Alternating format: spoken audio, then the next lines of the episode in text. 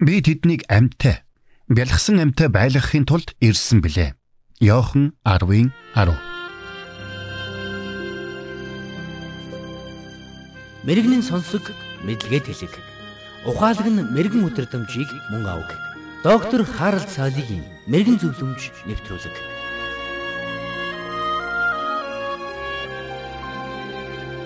Залуухан пастор байхдаа би нэг удаа амиа хорлсон залуухан бүсгүй оршуулгыг удирдах ёстой болсон юм.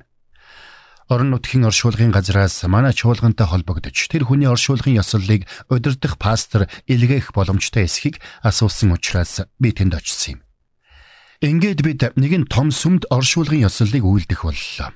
Гэр бүлийнх нь ч хэд нүсэр биш. Эгэл жирийн байдлаар оршуулгын ёслолыг хийхийг хүсэж байсан юм.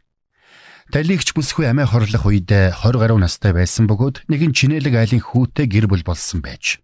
Ийм боломжийн айлын хүүхдүүд байж яагаад ийм залуухнаараа амиа хорлсон бол гэж би дотроо гайхаж байлаа. Тэгээд би тэр бүсгүйг сэтгцийн хувьд юм уу? Би юм ах бодын хувьд эрүүл биш байжээ гэж бодсон юм. Тэгээд нөхрөөс нь уучлаарай.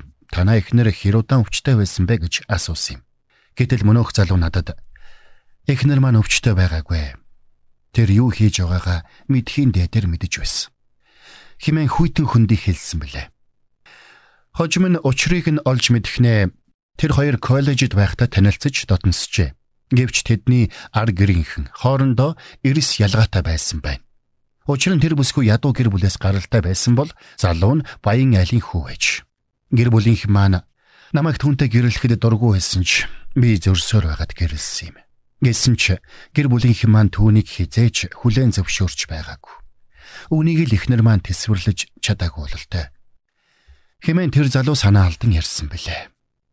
Тэр өдөр би Библийн сургуульд огт заалгаж байгаагүй нэг зүйлийг ойлгосон юм. Амиа хорлолт гэдэг нь хувь хүний гаргадаг шийдвэр ажээ.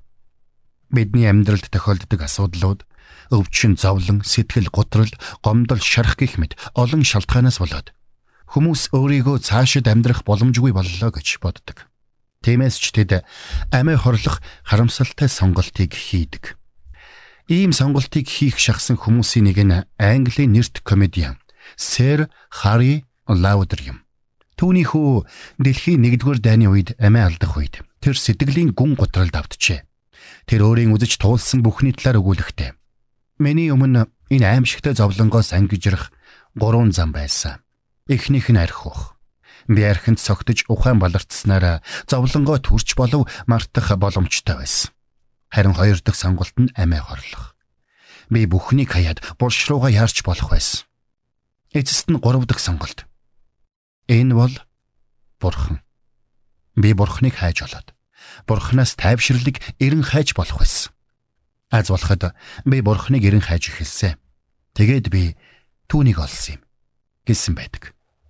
Амиа хорлно гэдэг нь яг л бурхан минь. Энэ асуудал танаас ч илүү том юм. Тиймээс надад цаашид амьдрах боломж алга гэж хэлж байгаатай адилхан юм. Гэтэл өнөөдөр маш олон хүн өөрт нь амиа хорлохоос өөр сонголт байгаа гэдгийг харж чаддаггүй. Учир нь тэд бүгд Сэр Хари Лаудер шиг бурхныг хайж, Библийн бурхнаас амар тайвныг олж, цөхрөл гутралаасаа чөлөөлөгдөх бүрэн боломжтой юм. Тиймээс таач бас цөхөрч гутарсан үедээ Бурхныг бүх зүрхээрээ эрен хайж болно. Харин та Бурхныг олсон тэр цагт таны амьдрал цоошин зориг, цоошин утга учирыг олох болно. Эзэн Есүс нэгэнтээ би тэднийг амьтаа, бэлгсэн амьтаа байлгахын тулд ирсэн билээ. Йохан 10:10 химэн айлдсан байдаг. Тиймээс хэрвээ та яг одоо амьдралдаа гутарч сэтгэлээр унан цөвхрөлд автсан байгаа бол бусдаас тусламж хүсэхээс бүү хойш суугаарай. Утсаа аваад зөвлөгч, сэтгэл зүйч, пастор эсвэл хамгийн ойрын найз руугаа залгаад ямар байгаагаа хэл. Тэр дундаа Христэд итгэгч хүнтэй холбогдвол бүрсэ. Тэгээд зүрхэндээ байгаа бүхнээ түүнд уудлан хэл.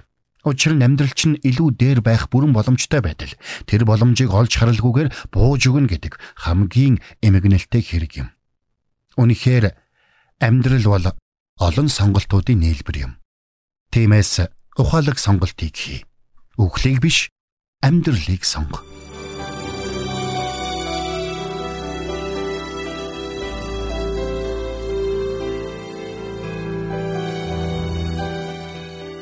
Мэргэн нэгнийг дагуул мэргэн, мулгуутай нөхөрлөл хорлол.